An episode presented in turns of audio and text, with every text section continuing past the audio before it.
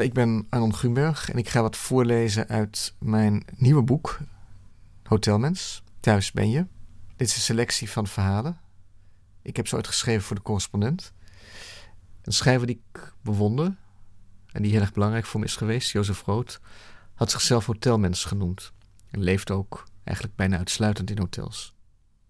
En toen dacht ik, ik wel wel, aangezien ik zelf ook vaak in hotels ben, misschien wel vier, vijf maanden per jaar, iets minder, maar veel minder zal het niet zijn, over het leven van een hotelmens schrijven. Van iemand die onderweg is, beschrijven wat hij ziet, uh, vertellen hoe liefde werkt als je zo'n reizend leven leidt.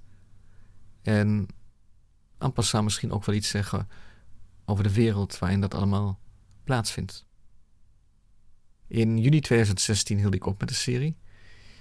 En teruglezend schetst dat niet alleen een beeld van mijn leven in korte tijd, maar geloof ik ook dat je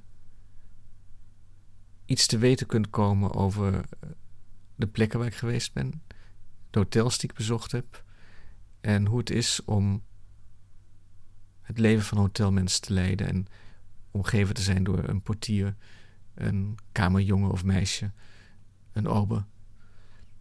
Ik denk dat het ook achteraf een soort overdenkingen zijn over vluchtigheid en over weemoed die met vluchtigheid niet altijd, maar vaak wel gepaard gaat. Uit die selectie die gemaakt is en waaruit het boek Hotelmens is voortgekomen, is weer een nieuwe selectie gemaakt.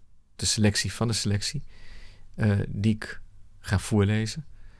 En die wij genoemd hebben verhaaltjes voor het slapen gaan.